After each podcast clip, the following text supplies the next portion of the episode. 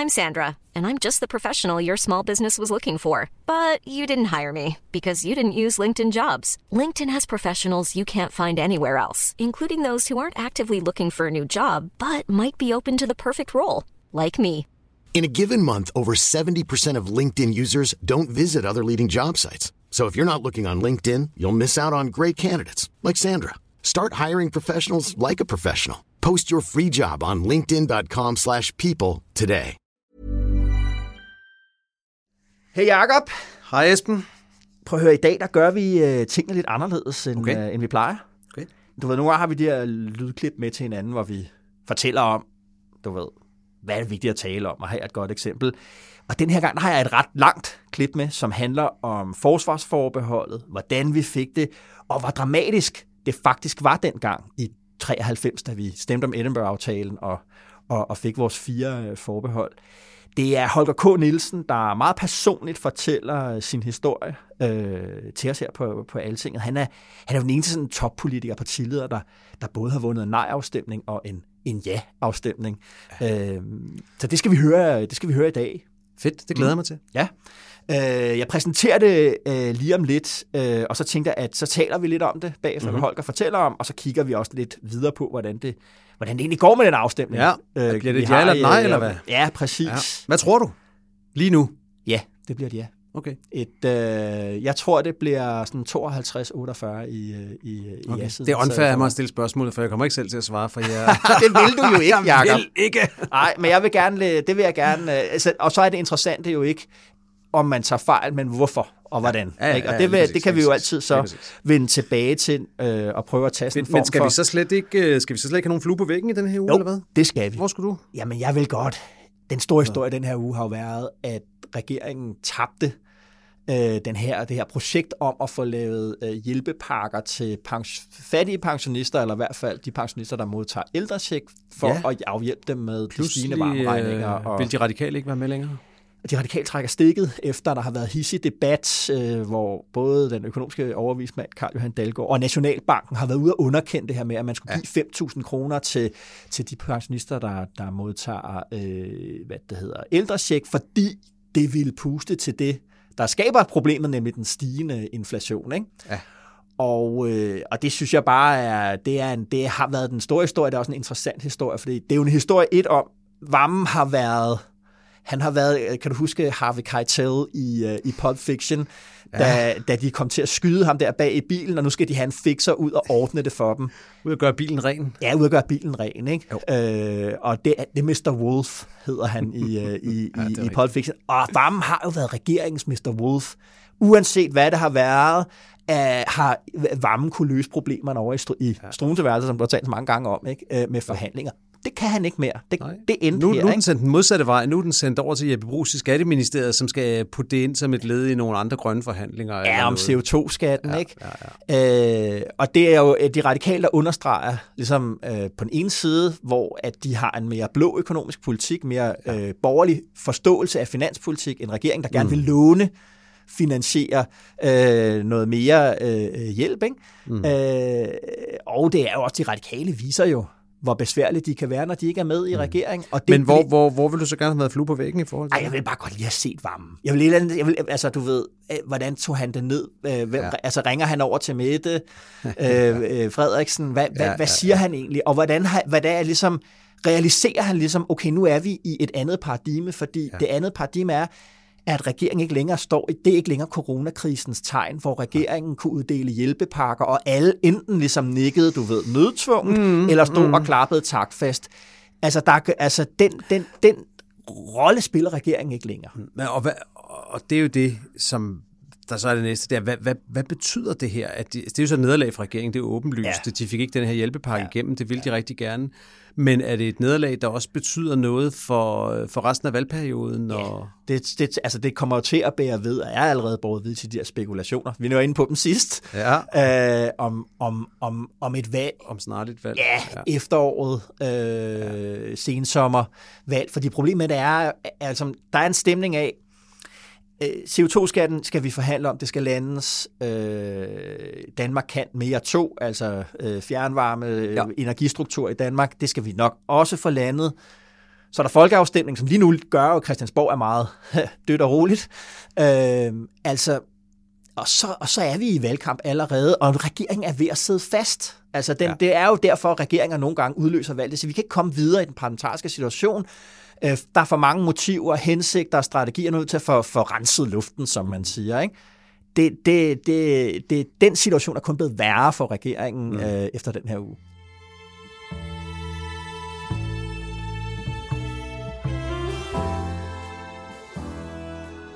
Ja, det er sket igen. Hvad vi står og optager podcast og tænker, ugen er slut. Nu skal vi øh, på weekend. Nu skal vi i kolonihave. Nu skal vi øh, ud og cykle. Tænker du på den der breaking-notifikation, der lige er kommet på vores telefoner? Det er det. Ja, der det er, vildt, er en kæmpe stor politisk bombe, der er sprunget øh, ja. lige nu. Det må man sige. Og hvis, øh, hvis jeg nu skulle øh, vælge et sted at være flue på væggen, så øh, dropper jeg i dette øjeblik alle mine tidligere tanker og ja. tænker, jeg vil godt være flue på væggen hos øh, Claus Hjort Frederiksen og Jakob Ellemann lige ja. nu, fordi der er jo lige kommet besked ind her om, at øh, Rigsadvokaten har indstillet ja. til Justitsministeriet, ja. at der skal rejses tiltale mod Claus Hjort Frederiksen. I forbindelse med anklagen for landsforræderi. landsforræderi. For landsforræderi. Ja. Og det, det betyder, det kommer medierne, alle de andre medier sikkert til at køre rundt i, men altså det, som, som, som vi vil kan sige, det betyder lige nu, det fremgår også i pressemeddelelsen, det er, at regeringen nu vil tage fat i de andre partier, fordi det allerførste, de skal finde ud af, det er, om de kan ophæve Claus, Claus Hjort Frederiksens immunitet. For som folketingsmedlem kan du kun blive tiltalt ved en retssag, hvis du er enten taget på færre skærning, ja. eller hvis Folketingets partier accepterer at ophæve din immunitet. Så det skal der nu findes et flertal, der siger ja til, og det i de mange, mange aspekter, der er i denne her sag, der er det allerførste jo, ja. er der flertal for at føre den retssag igennem. Ja. Og der må vi jo sige, at at det er svært at forestille sig andet end, at regeringen plus det parlamentariske grundlag fra det radikale til, til enhedslisten, de vil, de vil stemme for en ophævelse af immuniteten. De kan ikke andet.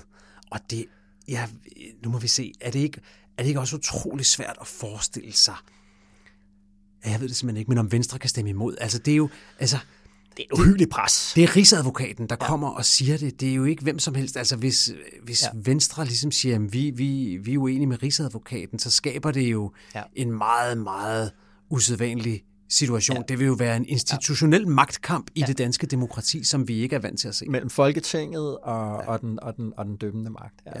Ja, det, det, det, det, det bliver de nok blive nødt til, men, men der vil være et politisk spillover, som man siger, det er, at nu er krigstilstanden mellem Venstre og de borgerlige på den ene side, og, og Socialdemokratiet som regering på den anden side ja. på fuld, fuld blus nu. Ja. Og det kommer jo efter en periode, hvor Claus Hjort Frederiksen og Jakob Ellemann, hele Venstre, har optrappet presset på regeringen, ja. den her sagt, nu må I se at komme videre med ja. denne her sag. Ja. Han kan ikke gå rundt og have den meget, meget alvorlige tiltale hængende over hovedet længere. Ja. Nu må der ske noget. Ja. Og samtidig har Claus Hjort jo været ude meget klart at sige, at han ville blive stik tosset, hvis de endte med ligesom at nedgradere landsforræderi-tiltalen ja. til en meget mildere tiltale, ja. og så give ham 10 dagbøder af 1000 kroner. Ja. Han har sagt, jeg vil renses. Ja. Og Altså enten frafalde anklagen ja. helt, eller tage den til domstolen. Ja. Og på den måde kan man jo sige, nu får han jo muligheden for at blive for at blive renset. Og på den måde er jeg faktisk også sikker på, at de ender med at stemme ja, ja. til at få ophævet den ja. immunitet. Fordi ja. det her det er også Claus Hjort ja. Frederiksens mulighed ja. for at få det her afgjort i en retssag, ja. hvor at vi kan få domstolens ord for, om han overtrådte loven eller ej. Men der er det store men her, og det er jo, altså hvis vi tænker tilbage på rigsretssagen mod ja. Inger Støjberg, da de læser dommen op, Thomas Rørdam, som var, var, var formand, præsident. Ja. Ja.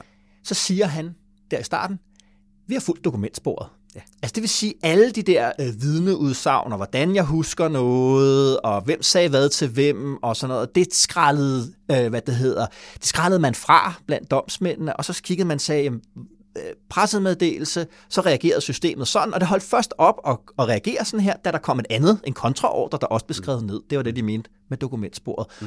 Og her er det jo lidt, altså der er jo alle mulige politiske diskussioner. Mm. Vidste vi eller vidste vi ikke, at der selvfølgelig var et samarbejde mellem øh, danske efterretningstjenester og den amerikanske NSA, og mm. det har vi jo alle sammen sådan, ja ja, selvfølgelig, men Claus Hjort Frederiksen var den første forsvars, altså tidligere forsvarsminister, der gik ud åbent som repræsentant og sagde det højt. Og der er en anden ting ved rigsretten, helt enig i din pointe, det rigsretten jo også ligesom sagde, og som, øh, som var meget, meget vigtigt, det var at sige, det er, ikke, det er ikke vores beslutning, om der skal føres rigsret Nej. mod Inger Støjberg. Det er jo Folketinget, der vælger, om der skal rejses tiltale ja. eller ej.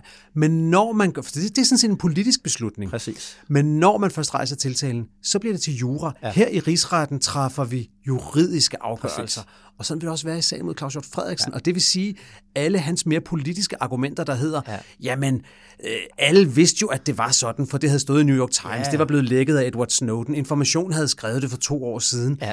Det, det vil nok vil mit vurdering være, ja. blive betragtet som politiske argumenter, som kan være gode argumenter for at lade være med at rejse tiltalen ja. og sige, det her det er politik, lad nu være. Ja. Men når først den ender i retssagen, en maskine, så er det jura. Ja. Og så er det noget andet, og, og der han, er det måske svært at se, at han ikke har overtrådt lov. Også fordi han jo selv sad det tror jeg, hvad det hedder, advokaturet vil bruge som, som, som bevis. Han sad jo selv i Søren Liberts ja.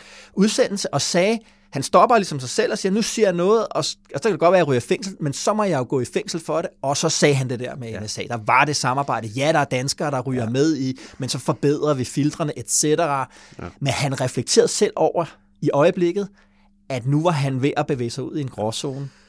Nå, det, det, det, det, det er sket lige her, mens vi står og, ja. og optager. Vi kommer ja. det måske ikke meget nærmere i dag. Nej. Bare en lille eftertanke mere. Ja. Hvad betyder det her for, øh, for den mink-sag, der også er under oprulning? Jamen altså, i forvejen var det jo sådan, at de borgerlige havde tænkt, øh, den skal have fuld gas, ja. øh, når, når, når kommissionen kommer. Øh, ja. Der er alle mulige forskellige rygter om, hvad der står og ikke står i den kommissionsberetning. Ingen har fået læst endnu. Nej. Men det er klart, de borgerlige så jo, hvor meget skade de kunne gøre på Mette Frederiksen hen over efteråret øh, op til jul. Øh, og det vil de jo gerne gøre igen, uanset hvad. Men nu, for, nu, nu altså, som jeg sagde, krigstilstanden er, er, der er åben krig nu. Nu er det fuld skudveksling, og de vil lægge al vægt i og, og, og hvad skal man sige, og, og, og udligne øh, på, på, på den her. For regeringen er jo involveret i det. Tesfaye samler partierne. Han skal som regeringsrepræsentant og justitsminister sige, vi skal altså, han, han skal på øh, øh, anklagebænken. Ikke? Og på den, måde, øh, på den måde synes jeg, det er potentielt, det vi ser her, uden at gøre mig til, til, til dommer over, hvad der er rigtigt og forkert, det, ja. er, det, det er meget, meget svære øh, beslutninger. Øh, så, så synes jeg, så, så, så gør det mig en lille smule trist, fordi jeg synes jo, det er, det er en principielt forkert udvikling, hvis man begynder ja. at komme derhen, hvor politik skal afgøres i retssal. Politik ja. skal afgøres i Folketinget. Ja, af medlemmer, der er valgt ja. af befolkningen, som kan stemme om ja. det. Inden for lovens rammer, ja. det siger sig selv, men det er sundere, at politik bliver afgjort i Folketinget end i en retssal. Og det, det her, det bliver altså alle politiske forhandlinger fra nu af, og jeg vil sige indtil næste valg, og indtil den her sag er afgjort, de bliver enormt giftige nu, når, ja. når venstrefolk og socialdemokrater skal sidde i, ja. i forhandlingskæld med hinanden. Puha. Ja, skal vi ikke tage høretelefonerne på og lytte jo. til Holger K. Nielsen og blive klogere på, hvorfor og hvordan vi fik vores forbehold, øh, og hvordan det også er en, en meget voldsom personlig historie for, for øh, Holger K. Nielsen. Det har jeg glædet mig til at høre.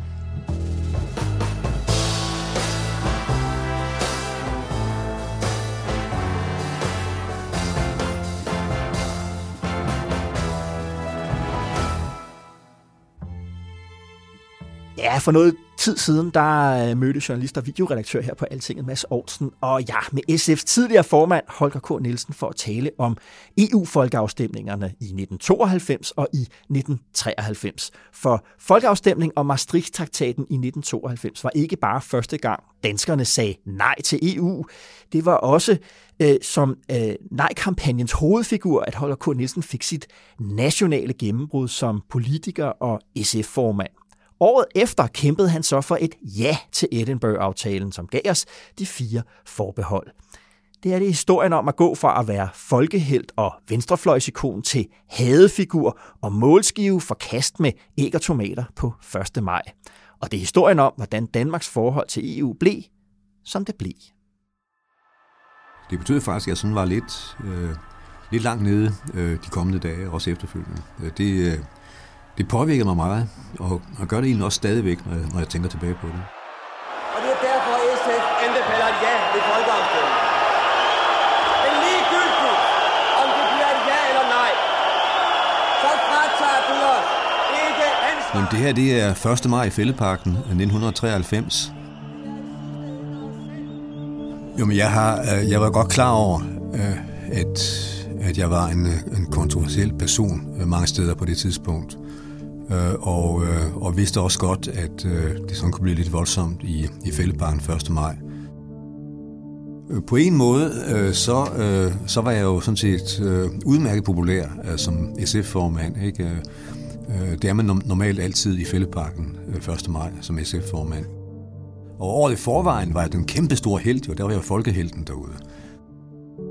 Men øh, så, der var så sket det i mellemtiden jo, vi havde, var gået med til øh, det nationale kompromis og Edinburgh-afgørelsen, og der skulle være folkeafstemning den, øh, den 18. maj øh, om det.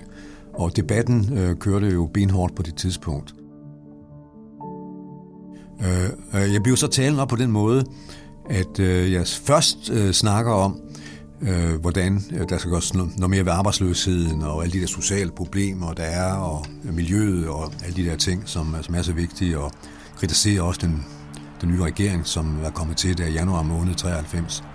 Øh, og så øh, øh, i sidste halvdel går så ind på EU, EF og Europa. Men vi har heller ikke brug for en ny superstat i Europas forenede stater. Og i det øjeblik, jeg gør, det er også sådan lidt øh, sk- øh, uden sådan en lille smule sådan øh, summen og, og lidt larm, ikke? Det er præcis denne udvikling, Danmark gennem Edinburgh-aftalen er holdt udenfor. Men da jeg så begynder på det, så steg det simpelthen. Kom der et inferno af brød. Og det er derfor, SF anbefaler ja ved folkeafstemningen. Men ligegyldigt, om det bliver et ja eller nej, så fratager du os ikke ansvar. Et inferno af brød op imod mig. Og når man står op på talerstolen deroppe, så, så kan man høre det, det der inferno er kolossalt tydeligt. Det er meget voldsom lyd, der kommer op til en. Det skal man have prøvet at stå deroppe på 1. maj talerstolen for så at vide, hvordan det er. For det danske samfunds udvikling. Det er i sidste ende selv. Og jeg har besluttet, jeg, jeg, jeg, jeg kører bare talen igen. Øh, ja, øh, det er sådan med korte, meget korte sætninger, øh, som jeg har skrevet ned på forhånd, øh, og holder fast i. Jeg taler den ene korte sætning efter den anden, og bliver ved, og, bliver, og lader mig ikke påvirke af det. Øh, og så kan jeg så mærke lige pludselig, der flyver nogle ting ind over hovedet på mig. Jum! Øh, om det er sten eller æbler eller æg, det ved jeg faktisk ikke helt. Men i hvert fald noget, der ville have gjort ondt, hvis jeg var blevet ramt af det. Og det er meget tæt på. TV2, øh, de, øh, de, de påstod, at jeg var blevet ramt. Og når man ser det i fjernsynet, så ser det også sådan ud. Øh, men øh, men øh, så vidt jeg husker, så blev jeg ikke ramt. Hvor alle kan leve et anstændigt liv, og hvor hensynet til økologi og miljø kommer i forgrunden. Fortsat god 1. maj. Og da jeg så er færdig, så øh, bliver der en huden og en piften, og jeg ved ikke hvad. Bare det med, at venstrefløjen er blevet så intolerant, øh, som, som tilfældet var, øh, forbenet kan man sige, ikke? Øh, synes jeg, øh, var, var, det, var, det synes jeg var et eller andet sted var øh, værd at tænke over, men også lidt, en smule deprimerende.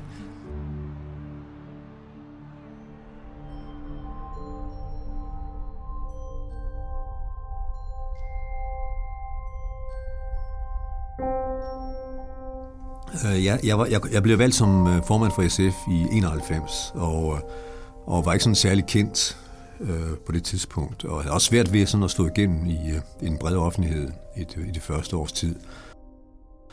Øh, men så kommer øh, folkeafstemningskampagnen øh, op til øh, øh, Maastricht-afstemningen. Ja, det er jo lettere til folketingsvalg. Der er ikke så meget at vælge på. Ja, man skal bare ikke ryste på hånden. Overhovedet ikke. Og der sker så det, at øh, jeg går sammen med Uffe Ellemann.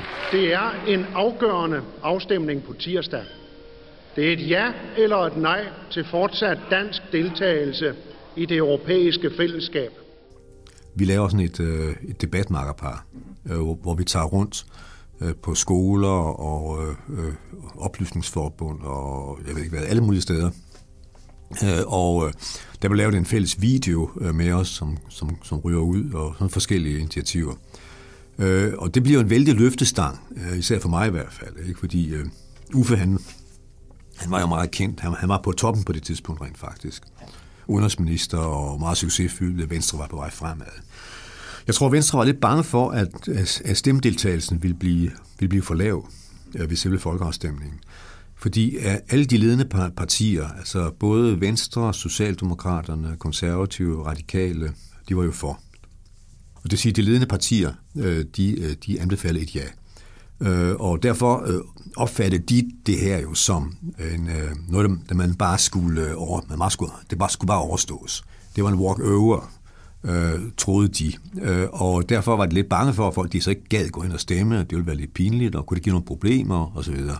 Og derfor ville de godt have lidt mere gang i debatten. Og så øh, blev de enige om, at, øh, at øh, de skulle spørge os, om vi ville, ville være med, og det ville jeg også selvfølgelig gerne.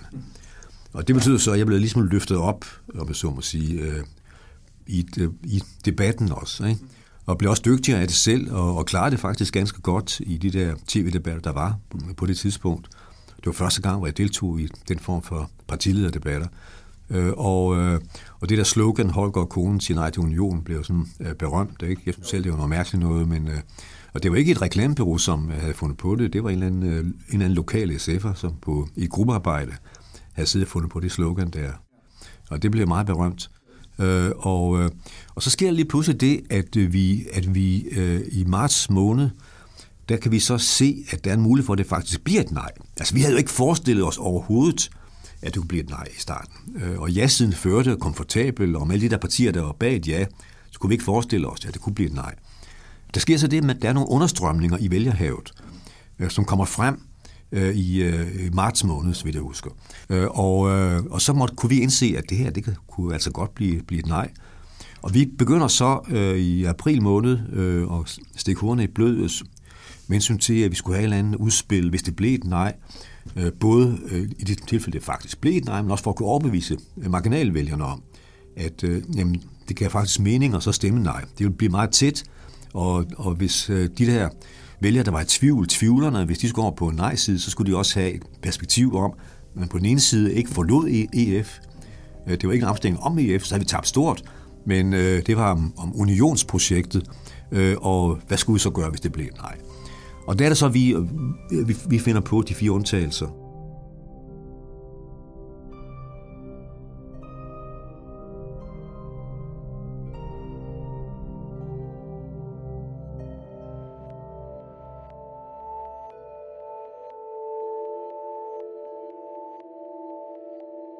Den 2. juni om aftenen øh, var meget uforglemmelig. Det var meget, meget varm aften, meget smuk aften. Øh, og folk er fuldstændig ellevilde. Det var den første sejr i mange, mange år, man havde fået. Jeg kan huske, at vi kommer ned til, ned til Café Rust, hvor der er stor øh, fest nede. Øh, Michael Falk spiller, og alle mulige folk er samlet der. Ikke? Og, vi, og det, vi kommer gående der, og folk klapper, altså vi kommer gående så der en, der sådan smider trøjen, det er hammerende varmt den aften. Ikke? Og siger, nu bliver vi sgu også europamestre i fodbold, siger han så. Og folk, de, øh, de, øh, de griner, ikke? Ah, ah, ah, ah du der, ikke? og på en eller anden måde, så, så den juni øh, 92 var sådan en måned, hvor, hvor der kom sådan en, en dansk selvbevidsthed, ikke? som var meget interessant, ikke? men måske også på en vis måde var, var et smule usund, ikke? og som også betyder, at man måske overvurderer sig selv på, på et tidspunkt.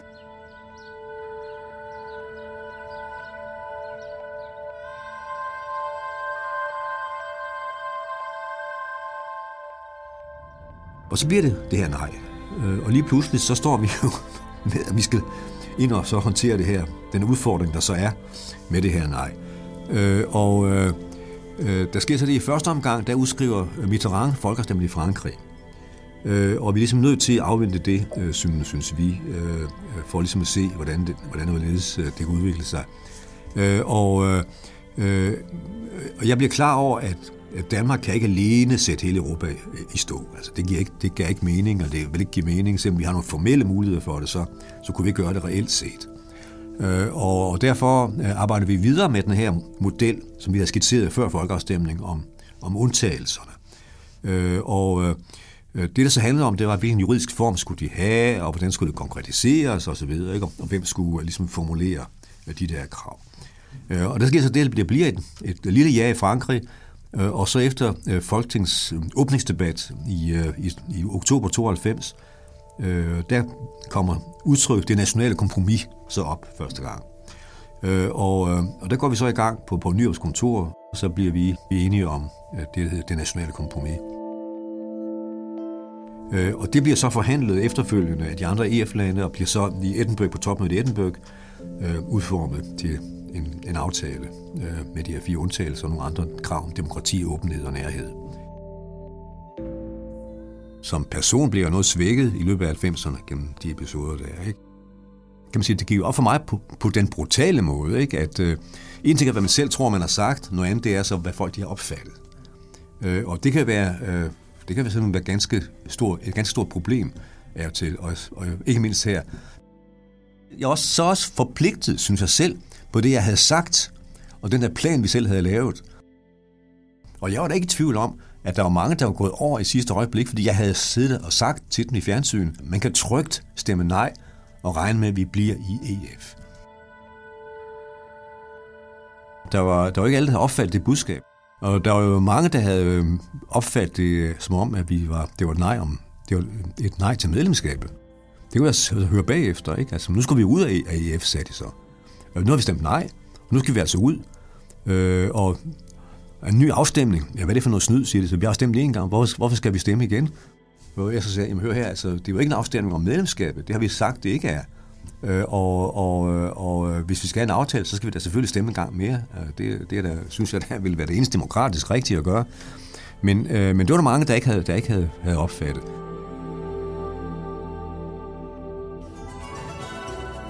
Resultatet af IF-afstemningen i aftes blev, at 56,8 procent af vælgerne stemte ja til Edinburgh-aftalen, og 43,2 procent sagde nej.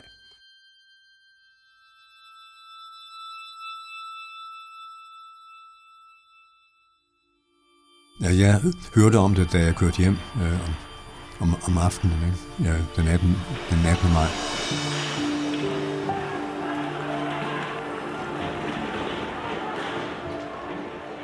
Øh, og øh, øh, jeg tænkte, det var, det var, det var, det var vanvittigt. Altså, jeg, jeg synes, det var fuldstændig vanvittigt.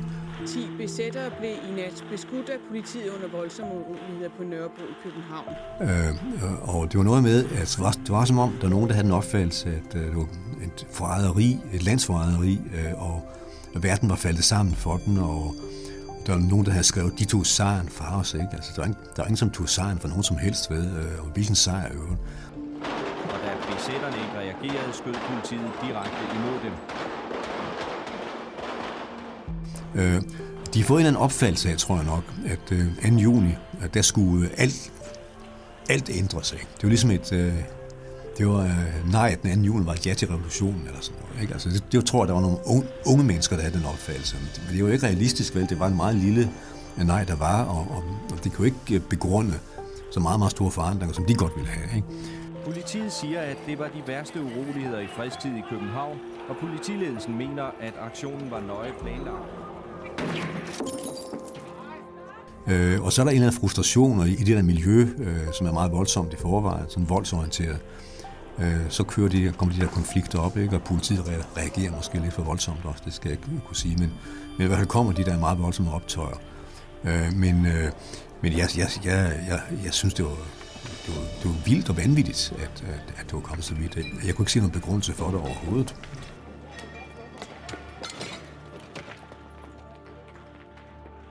Selvfølgelig, det var da de samme mennesker, som også stod derude, øh, og, så, og så råbte og kastede efter mig, som var på, på Nørrebro øh, 18. maj. Der var sådan kommet sådan en, øh, hvad jeg vil kalde en meget intolerant, øh, militant venstrefløj, ikke? Især unge mennesker, øh, som, øh, som jeg synes var meget udemokratisk, og ikke, ikke har meget at gøre med det, jeg opfatter som venstrefløj i hvert fald. Men øh, som var sådan, øh, som kørte den der linje der, ikke? Øh, der hele tiden har været sådan en, en øh, meget hård venstrefløj. Øh, den er, den er, er der også i dag, tror jeg nok, altså med øh, unge mennesker, ikke? specielt, men også andre, som, øh, som kører den der linje, hvor et hvert kompromis, det er et, et forræderi, ikke? Og, og, hvor man har lov til at bruge voldelige midler, hvis, hvis det er det, man vil, og hvor det handler om at få konfrontationer med politiet og magthaverne, og hvor alle magthavere, hele samfundet, hele staten, ikke? og ens fjender. Øh, og, og på den anden side er der også en venstrefløj, som, øh, som tænker i øh, alliancer, øh, tænker i, hvordan man kan få flertal for nogle ting, at få ændret tingene, måske lidt langsomt, men alligevel få ændret tingene. Øh, og det er der, hvor jeg, hvor jeg har været hele tiden. Og, øh, og derfor har jeg ikke meget til overs for den anden venstrefløj heller ikke. Det havde jeg ikke dengang, der er, der er jeg heller ikke i dag. Altså hvis man ser på enhedslisten for eksempel, ikke, øh, så synes jeg, at de er meget pragmatiske. De minder meget om SF for 20 år siden, vil jeg sige, når jeg, når jeg, sådan, jeg, jeg anskuer dem. Også deres interne diskussioner, den måde, de uh, diskuterer på, og den måde, de forholder sig til tingene på. Og derfor, og det synes jeg er meget positivt, det er meget, det er meget positivt ment. De er blevet meget pragmatiske, man ville i gamle dage kalde dem reformistiske, men det er helt klart, de, øh, de vil godt lave kompromis, og lave alliancer og, og lave resultater på Christiansborg, og det synes jeg er godt. Øh, så det, øh, så der er ingen tvivl om, at den her pragmatiske linje, den, er, den har vundet. Men stadigvæk er der jo, er der jo rum for, for, for de andre. Ikke? Der er nogen, der øh, sådan, om man så må sige, per definition vil, øh, vil køre den anden linje, vil være imod øh, hele, hele samfundet, vil, vil mene, at, at alle midler de er tilladelige. Og dem vil man jo stadigvæk have i en vis forstand. Ikke? Og så, så kan man så håbe på, at de bliver klogere med årene. Der er jo mange, der sidder på fine stillinger øh, rundt omkring i samfundet, som deres helt unge dage også var besætter og med i de der meget militante operationer, men så bliver klogere med årene. Det er da fint nok. Altså, jeg forsøgte meget at adskille de, af de der ting øh, dengang, og holde fast i den linje, som, øh, som vi har aftalt før folkeafstemningen. Ikke? Øh, og, og øh, kunne godt se, at der gav nogle problemer, ikke? men troede så alligevel, at det ikke ville blive så slemt, som det blev. Men det blev meget slemt, det gjorde det. Men det, men, men, øh, men det betyder ikke, at jeg har, jeg har fortrudt det. Jeg synes, det er rigtigt at gøre det.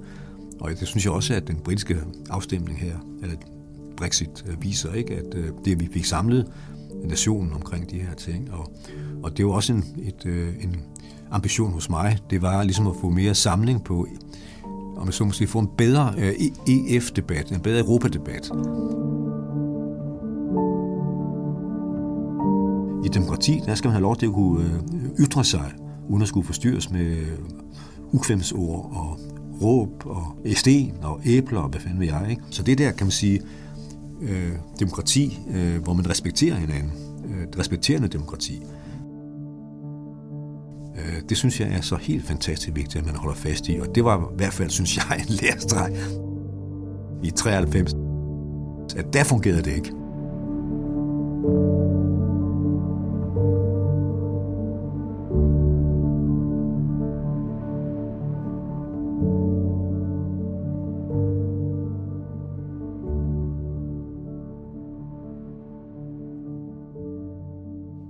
Jacob, øh, det er jo en, en, en stærk historie, men ja. virkelig, virkelig god fortæller, Holger K. Nielsen. Det er en voldsom historie, ja. og han er en god fortæller, og det ved vi jo også fra, øh, fra den fremragende, synes jeg, selvbiografi, han ja. udgav. Var det sidste år, eller var det begyndelsen af i år? Den, ja. der hedder Det har været det værd, mm-hmm.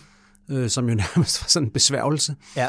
Øh, og Som jo også der er pointen her. Det, det, det var det værd, ja. men det var også øh, med store omkostninger. Det havde omkostninger, ikke ja. også? Altså, øh, Holger K. Nielsen var jo en, der tog der tog politik alvorligt, og han øh, var ikke kun ude på at vinde sejre eller regeringsmagt eller sin egen magtposition. Ja. Den skulle også bruges til noget rigtigt. Det var ja. faktisk vigtigt for ham, ikke? Og det gælder selvfølgelig i et eller andet omfang alle politikere, men for Holger K. Nielsen var det øh, Ja, men jeg synes også, noget, fordi, ja, og det man ligesom kan, kan understrege, det er jo, det er jo, er jo fristelsen mm. har jo været stor efter 92. Altså, som han jo selv fortæller, han var ikke noget før. Øh, han, var, han var Gert Petersens efterfølger. Gert Petersen var jo ja. medstifter af SF, og ligesom den helt store, magtfulde formand for SF. Øh, og, og, han blev ikke kåret, han skulle kæmpe sig til den post, og der var mange, der synes han var den forkerte. Og, ja. Præcis, ikke? Og han har jo stået for den fristelse, at han efter 92 kunne gøre SF til et stort venstrepopulistisk parti i Danmark øh, vælger at lade være, øh, holder fast på, at vi, altså vi, det var ikke en kamp for at melde os ud af EF-EU,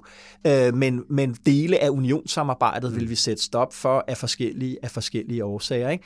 Det er jo det, der åbner for, at enhedslisten, som blev dannet, øh, så vi husker i 1989, ikke kommer i Folketinget. De kom første... ikke ind i 90, det glemmer man tit, men altså de stillede op i 90 og kom ikke ind. Kom ikke ind, og rigtig mange øh, meget utilfredse venstrefløjsvælgere søgte til enhedslisten ved det valg, og så kommer senere på året i 93, ja.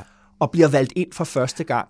Og der kan man sige det der med, at der så var der lige pludselig to partier på den yderste venstrefløj i, i, i Danmark, og det er jo direkte resultat. Altså det vil sige, SF den beslut, det der følger med det nationale kompromisforhold, så det er jo, at SF bliver et parti på 6,5, 7, 8 procent, når det går godt, 9 måske og så er der et ekstra parti. Ja. Og det synes jeg ligesom at Og tage... SF jo, jo historisk paradoxalt for et SF, der er født ud af det gamle kommunistparti og født ud af insisteren på, at man vil have en demokratisk socialisme, ja, ja, ja. og ikke den gammeltestamentlige socialisme. og her kommer de så ja. øh, uh, uforvarende til at genskabe den kommunisme, de egentlig Præcis. måske nærmest har været ved at udrydde i Danmark. Det er jo et kæmpe paradoks. Ja, det synes jeg ikke. Og, og, og det er jo interessant, fordi... Men det er så også, men det er så også, man skal så også sige, det har så også sparet SF for, nogle, for, nogle, øh, for, for noget ballade, ikke også? Fordi i forvejen, selv med enhedslisten på venstrefløj, ja. så, så gjorde EU-spørgsmålet hele vejen op igennem 90'erne, i hvert fald og også et stykke ind i nullerne, ja. Nogen vil sige helt frem til i dag, ja. gjorde ondt i partiet. Ikke? Det skabte utrolig meget intern ballade, ja. fløjkrig og øh, uklarhed om kursen. Så på den måde mm. har det selvfølgelig måske været lidt en hjælp for SF's forvandling, at der så også var et andet sted, hvor de mest dogmatiske EU-modstandere kunne selvfølgelig, gå hen. Selvfølgelig, og, og, og apropos, altså, så mødes de jo ja. øh, i enhedslisten til årsmøde her i, øh, i bededagsferien, øh, og de skal diskutere, altså hovedpunktet øh, på, på, på årsmødet er jo at diskutere deres forhold til, ja. til EU, og det synes jeg bare er meget interessant, når man, fordi det er jo ikke bare et spørgsmål om, for, altså du ved, et policy øh, position fra eller til, eller hvor står vi lige her, fordi verden har. Det er jo selv, altså enhedslistens eksistensberettigelse, selve årsagen til, at de findes, handler om EU. Ja. Og det er jo også derfor, når, at når man ser på enhedslistens principprogram, tal lige op i går, 11 gange bliver EU nævnt, øh, og øh, der er et klart projekt om, at man ikke bare skal melde sig ud af EU, i principprogrammet, men også at man skal forsøge at få afviklet EU som en international øh, institution. Mm. Hvorfor? Fordi man ser EU på linje med IMF som den globale kapitalismes øh, institution. Det er dem, der Præcis. organiserer den. Præcis. Ja. Og, og hvis, man vil, hvis man vil forsikre sig om, hvor ambivalent partiet har det med det, så kan man jo se i den uh, kandidattest, som uh, Altinget og, og Danmarks Radio netop har, har, har sendt i luften, eller valgtest, som vi kalder den. Ja. Altså denne her test, hvor man gennem 10-12 spørgsmål kan, kan prøve at få en indikation om, hvem man selv er mest enig med ja. op til den her folkeafstemning. Ja. Og der er et af spørgsmålene, man skal svare på, om, øh, om man mener, at Danmark skal, skal forlade EU. Og der er svaret fra enhedslisten faktisk, at det er de delvist uenige i. Ja. Og det er jo lidt opsigtsvækkende, for det er faktisk ikke, hvad der står i deres partiprogram.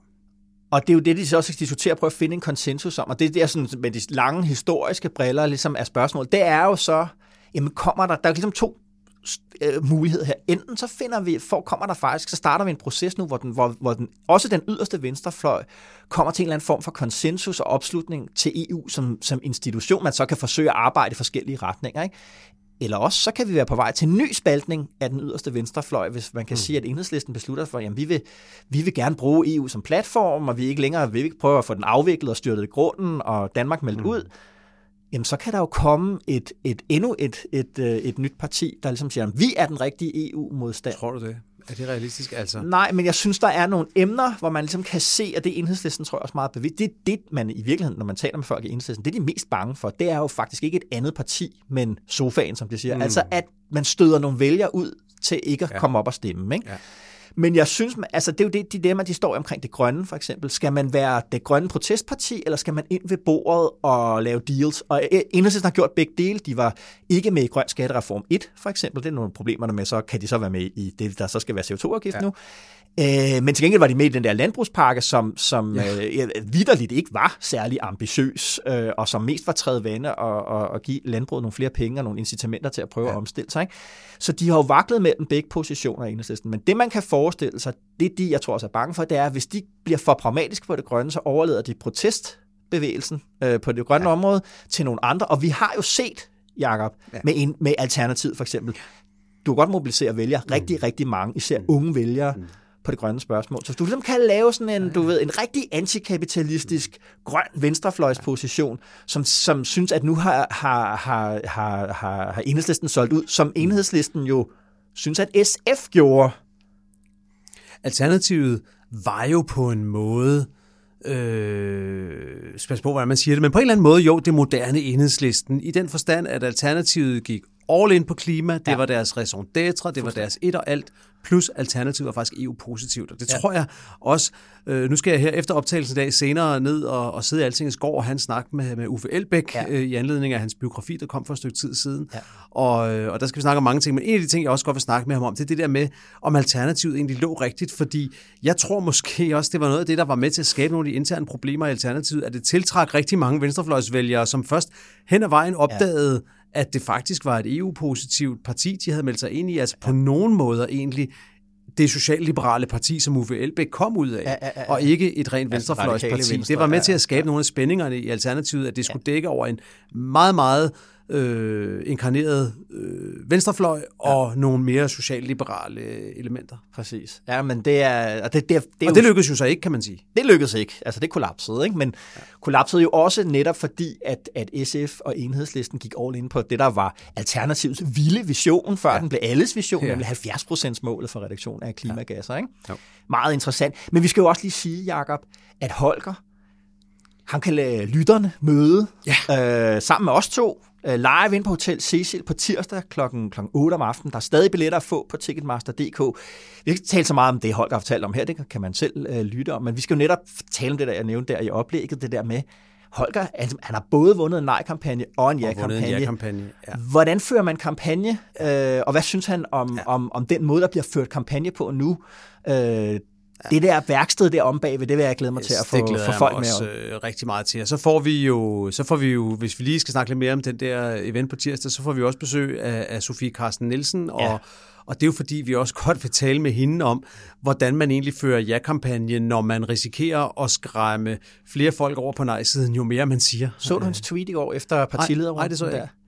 Hun skriver et tweet, hvor hun blandt andet skriver helt kort, jeg kan godt forstå tvivlerne. Ja, okay. Jamen, og der har du, ja. altså, det, det bliver interessant, hvordan har man ligesom, for det der, der har været de radikals problem, det er, at de er blevet udlagt som den belærende elite. Ja, ja, ja. Det er det, skal vi snakke om lige om lidt. Ja, ja, ja. Der har jeg en anden pointe til det der. Men bare for at sige, det er på, på tirsdag. Vi bliver over 100 politiske nørder, der kommer til at sidde og ja. øh, snakke politik. Noget af tiden kommer vi to til at snakke, så skal man lytte på det. Men vi kommer også øh, ned i baren, og vi skal snakke politik med dem, Ja, der ja. kommer. Ja. Det bliver mega hyggeligt, Ja. så øh, hvis du sidder derude og ikke lige har noget i kalenderen på tirsdag, så kom endelig ned Ja. og, øh, og vær med til festen. Præcis.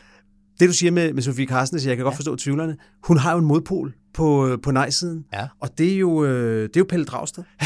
Fordi han, han tweeter jo sådan nogle ting. Nu har jeg for eksempel et tweet her, som jeg tror, han har sendt ud, øh, ja det er i dag her torsdag, Ja. hvor han siger, for hver gang ja-partierne blander Putin ind i debatten om forsvarsforbeholdet, bliver jeg mere sikker på min nej-stemme. Ja. Og det er jo et sjovt tweet, fordi Ja, var han at det forvejen? indikerer ligesom, at han er en tvivler. Ja. At, at han ligesom måske også godt forstår ja-siden. Og der har øh, Simon Emil Amnisbøl, som ligesom ellers var på vej ud af politik, men jeg skal love for, at han er kommet tilbage i politik. Han er jo stadig medlem af Folketinget. Han er jo gået Ja. all in i ja-kampagnen på Ja. Twitter og, ja. øh, og øh, giver den alt den gas, som Sofie Carsten Nielsen ikke gør. Ja. Den giver han, og han har jo været efter ham lige med det samme og sagt, hov mand, men øh, er du overhovedet i tvivl? Er det, Ja, ikke? ja, ja. det er jo løgn, hvad du siger. Ja. Men, øh, men der siger Pelle Dragsted jo, nej, nej, nej, jeg, jeg, har, jeg har stor forståelse for synspunkterne på begge sider. Ja. Og det gør det her til en, øh, også til en pussy, underlig kampagne, som også må være svær for vælgerne at orientere ja. sig i. Men synes du ikke, altså jeg kørte, kørte igennem uh, ude i Gladsaxe, hvor jeg bor, ikke? Og så, du ved, og så siger børn, nej, se, der er valgplakater, ikke? Men så. Ja. tænker man også, der, der er ikke ret mange valgplakater. Nej. Det er som om, der er sådan en fjerdedel af dem, der plejer at være, ikke? Jo. Og det er jo det, vi står, vi står med en meget, meget afdæmpet øh, kampagne, ikke? Og, en, og, en, og også utrolig svært at orientere sig. Jeg så, jeg så en valgplakat så lidt på afstand, hvor der stod hvor der var en Dannebro, og hvor der stod pas på Danmark. Ja, og så tænkte jeg, Venstres. nå, nu, nu, går, nu går nej-siden sgu all in. Men nej, nej, nej, det var Venstres ja-kampagne. Ja. Og så er der enhedslisten plakater, hvor der står stem nej til krig, som også er så lidt, det er meget, Ja, det er ja. meget underligt. Men det er jo netop den der Venstres, Venstres kamp, den, den har jo en forhistorie, for allerede under retsforbeholdet, der lavede øh, Venstre nogle valgplakater, jeg plejer at kalde dem Hansen Is-reklamerne, Hansen Is, ja, Ja, der lavede de der sådan ja, meget ja. 50'er-agtige ja. farver og, og, og grafik. Danmarks nostalgi. Præcis, og det er jo det der med, at de, på, på, på, de prøver ligesom at co-op det, tror jeg, man siger på amerikansk. Altså det der med ligesom at, at bruge modstanderens udtryk til sit eget, ja. til sit eget formål. Og det er jo virkelig, øh, det, det er jo, de har jo testet øh, de mm. her, øh, hvad det hedder, både kommunikationen, altså i deres kampagne Venstre, øh, og det er helt klart, at de prøver ligesom at sige, jamen, jamen den der følelse, som DF'erne og, den, og, og højrefløjen især har brugt som, som argument for at stemme nej til EU, jamen det er faktisk i virkeligheden omvendt. Det er det, der skal gøre, at du skal stemme ja. ja. Det er jo øh, interessant. Ja, det er det.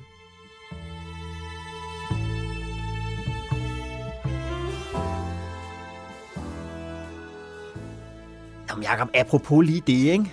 Øh, med, med, med, hvad det er for en kampagne, var det der meget afdæmpet der, ikke? Øh, Jeg lagde mærke til, i, i Folketingssagen, der var spørgeteam her i, i, i tirsdags, der, med det, da det bliver Morten Messersmiths tur, så, så taler han lige pludselig sådan lidt til alle øh, ja. i sagen, hvor han sådan brokker sig over, at de andre partiledere, han, han synes dog, at Mette Frederiksen har, har engageret sig noget i kampagnen, men de andre, hvor, hvor er de andre partiledere henne? hvor er det store skænderi henne Hvorfor er her? ikke slås? Ja. og det er jo fordi, at, altså et er selvfølgelig, at Morten Messerschmidt gerne vil have en scene, og, og en scene kræver som, at der er nogle andre, der også har været med i skuespillet, ja. ikke? Øh, både fordi han selvfølgelig gerne vil have en, en nej, et nej til kampagnen. Jeg tror sådan set, at han mener det fuldstændig alvorligt.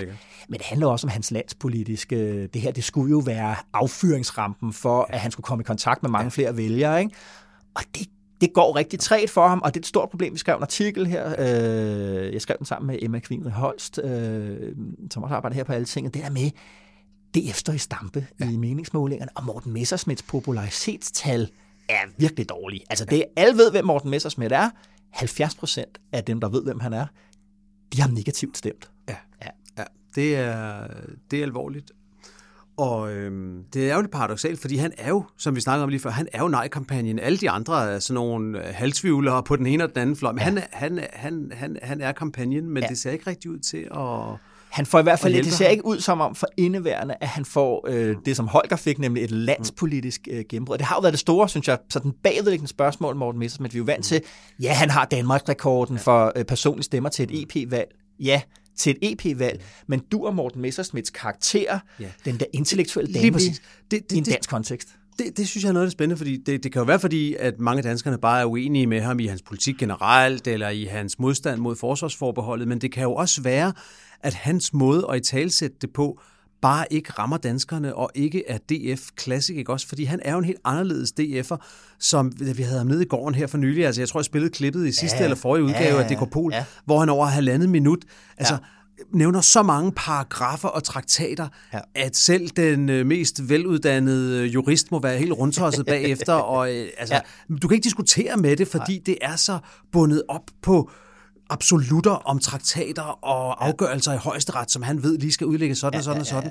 Og det, det er jo meget fint, men det er jo ikke noget, der rammer folk i maven. Præcis. Det er noget, der rammer folk et andet sted, måske måske inde i den del af hjernen, hvor de er forvirret. Ja, ja og så vil jeg sige det der med, at han, altså at, at folk godt kunne stemme ham ned i EU-systemet, som, øh, som rigtig mange jo, øh, hvad skal man sige, i hvert fald dem, der stemmer på Morten Messerschmidt, eller stemmer nej, øh, øh, de opfatter EU som et byråkratisk monster, som øh, arrogante politikere, der kommer og er skolemesteragtige over for os i Danmark, ja. og det vil vi i hvert fald ikke. Øh, og så tror jeg, at det der med, at han selv jo har noget skolemesteragtigt over yes. så at han selv har noget arrogant i sit væsen, i ja. sin karakter, øh, jamen det vil vi gerne stemme ned, så han, kan, han er vores skolemester, han er vores, ja. øh, hvad kan man sige, i godseøjne, arrogante skolemester, vi kan sende ned til EU og slå de andre oven i hovedet, men inde i sådan en meget dansk politisk kontekst, hvor det handler meget om velfærd, og det handler meget om at være, øh, have den der følelsesmæssige forbindelse, mm. folkelighed, jamen der dur det måske ikke på samme måde særlig ja. godt. Og det er jo, øh, og det var jo også diskussionen, altså da han skulle blive valgt som formand, det var det Martin Henriksen på sin måde sagde, jamen er Messerschmidt som os? Mm. Altså, vi mm. bliver et akademikerparti. Ikke? Det var selvfølgelig hans øh, fordel, fordi at Martin Henriksen ikke selv er akademiker, men jeg synes faktisk, pointen var større end det. Det er det der med, hvornår er det, at DF's medlemmer og vælgere føler, at Morten Messersmiths meget karakteristiske stil ikke er fed, men i virkeligheden en måde, han også ser ned på dem på? Ja, det er jo det. Det er det helt store spørgsmål.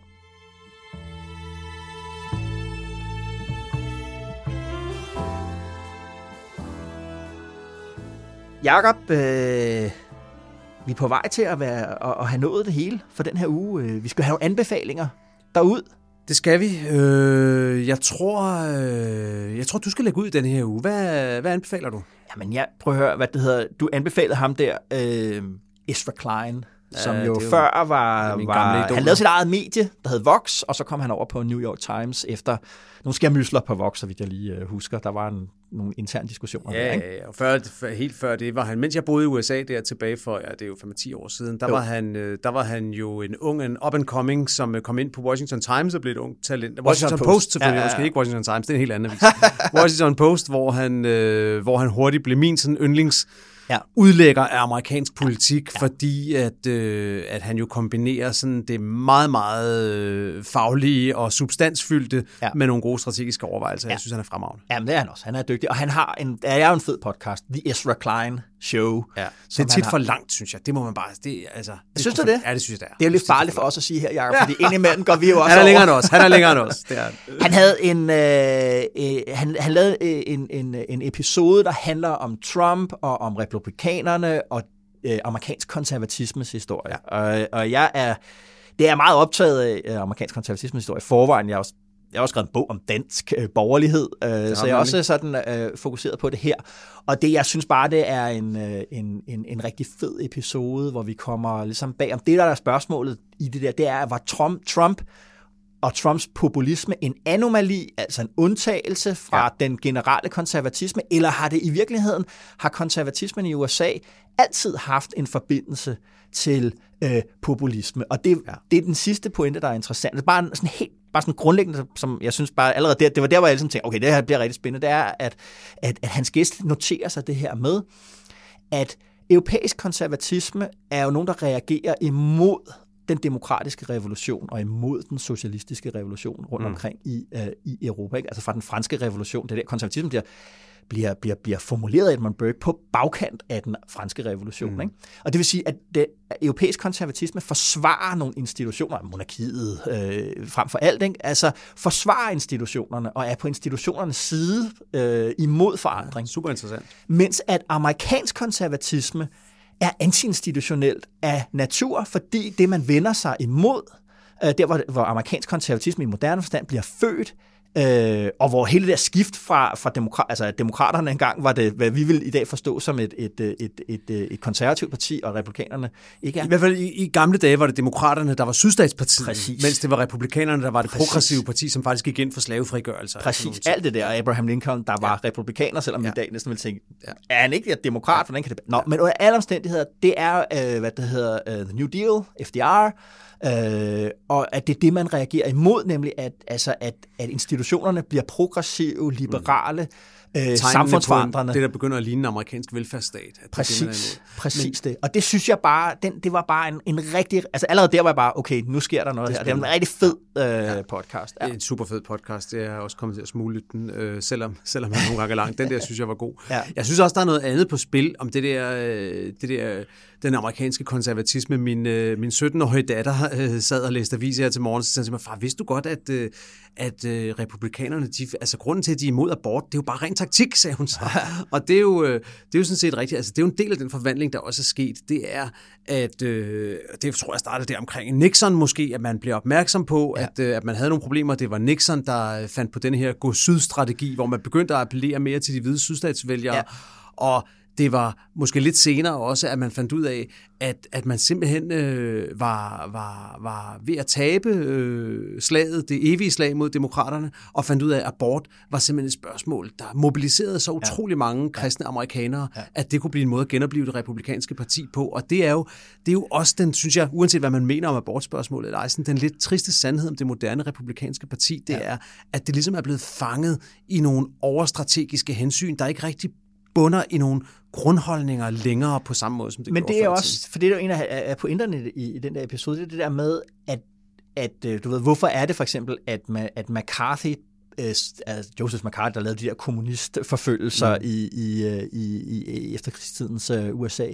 Hvorfor er det, at man, at man ikke sådan uh, skilte sig af med ham helt? Altså, ja. Og det er det der med, at modstanden i sig selv, modstanden imod øh, den, øh, den, øh, den, den liberale øh, mm. stat, altså både, mm. den, både liberale i, i, i betydning venstreorienteret stat, men også bare sådan den, den liberale demokrati og hvad den giver af rettigheder mm. til alle mulige, etc., Øh, det, synes, altså det der med, modstand i sig selv er vigtigt. Og det synes jeg bare var ligesom, okay, jamen, at, kunne, at, at det republikanske partis establishment kan forbinde sig med den der modstand mod Washington det, er, det, det tegner øh, episoden der meget siden. Det har faktisk foregået altid i det republikanske partis historie. Og på mm. den måde er Trump ikke en anomali. Nej.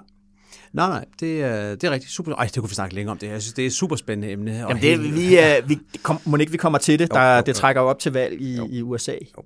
Nå, min anbefaling er, er også i udlandet. Jeg tager, jeg tager mod østen, og du tager mod vest.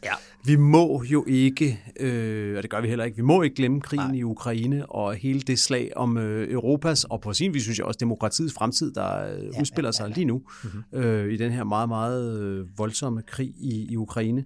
Og jeg har fået øh, tip fra en bekendt om en artikel, som faktisk er værd at læse, hvis man vil lidt mere ned i, hvad er det, der sker i Rusland. Ja. Det er en uh, artikel skrevet af en, af en russisk forfatter i den avis, der hedder The Moscow Times, men på engelsk, så bare roligt, den er, den er til at læse. og vi lægger den op i link til, til podcasten, så ja. man kan finde den.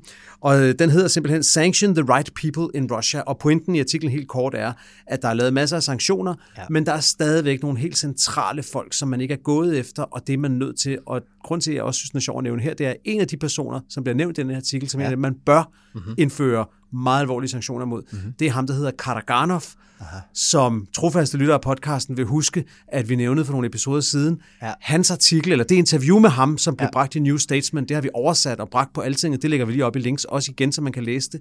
Han er jo en af Putins vigtigste ideologer. Ja. Karaganov-doktrinen er den doktrin, der ligesom udpensler, at Rusland har nogle legitime interesser i the near abroad, som de kalder det, ja. i Ruslands nærområder, som de, skal, som de skal forsvare.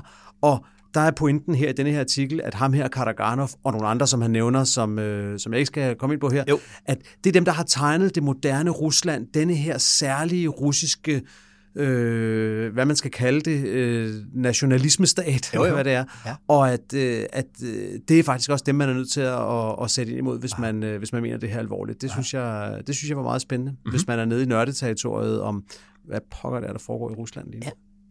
Det var det, Jacob. Det er bededagsferie, og min søn har fødselsdag, så jeg skal hjem Nå, og lave øh, lavkage. Hvad er dine planer? Jamen, det er, jo, øh, det er jo kolonihaven, det ved du. Det er kolonihaven som så vanligt, og så er det, øh, jeg skal også til en enkelt fødselsdag, og så tror jeg nok, at jeg har en aftale med, øh, med presselogen på søndag, så øh, vi må ind og se, om, øh, om øh, der Vi tænder for news på søndag. Ja. Yes, om der er noget news på søndag. Ja, tak for den her uge. I lige måde. Også øh, tak til dig derude med Dekopol i ørerne. Det er vi uendeligt taknemmelige for. I interviewet med Holger K. Nielsen bragte vi klip fra DR, TV Stop og EU's audiovisuelle service, så er det på plads. Og netop Holger K. Nielsen kan du altså møde live sammen med Jakob og mig på Hotel Cecil. Det er på tirsdag den 17. maj, og der er stadig billetter at få. Gå ind på ticketmaster.dk og bestil din billet. God weekend og god vind.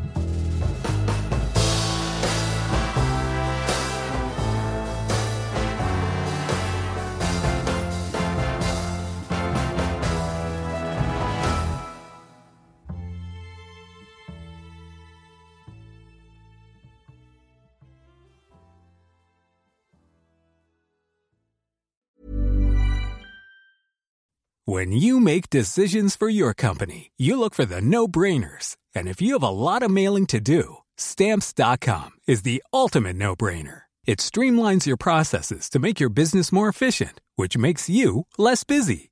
Mail checks, invoices, legal documents, and everything you need to keep your business running with stamps.com. Seamlessly connect with every major marketplace and shopping cart Schedule package pickups and see your cheapest and fastest shipping options from different carriers with rates up to 89% off USPS and UPS rates. And with the Stamps.com mobile app, you can take care of mailing and shipping wherever you are. Make the same no-brainer decision as over 1 million other businesses with Stamps.com. Sign up with Code PROGRAM for a four-week trial, plus free postage and a free digital scale. No long-term commitments or contracts. That's stamps.com.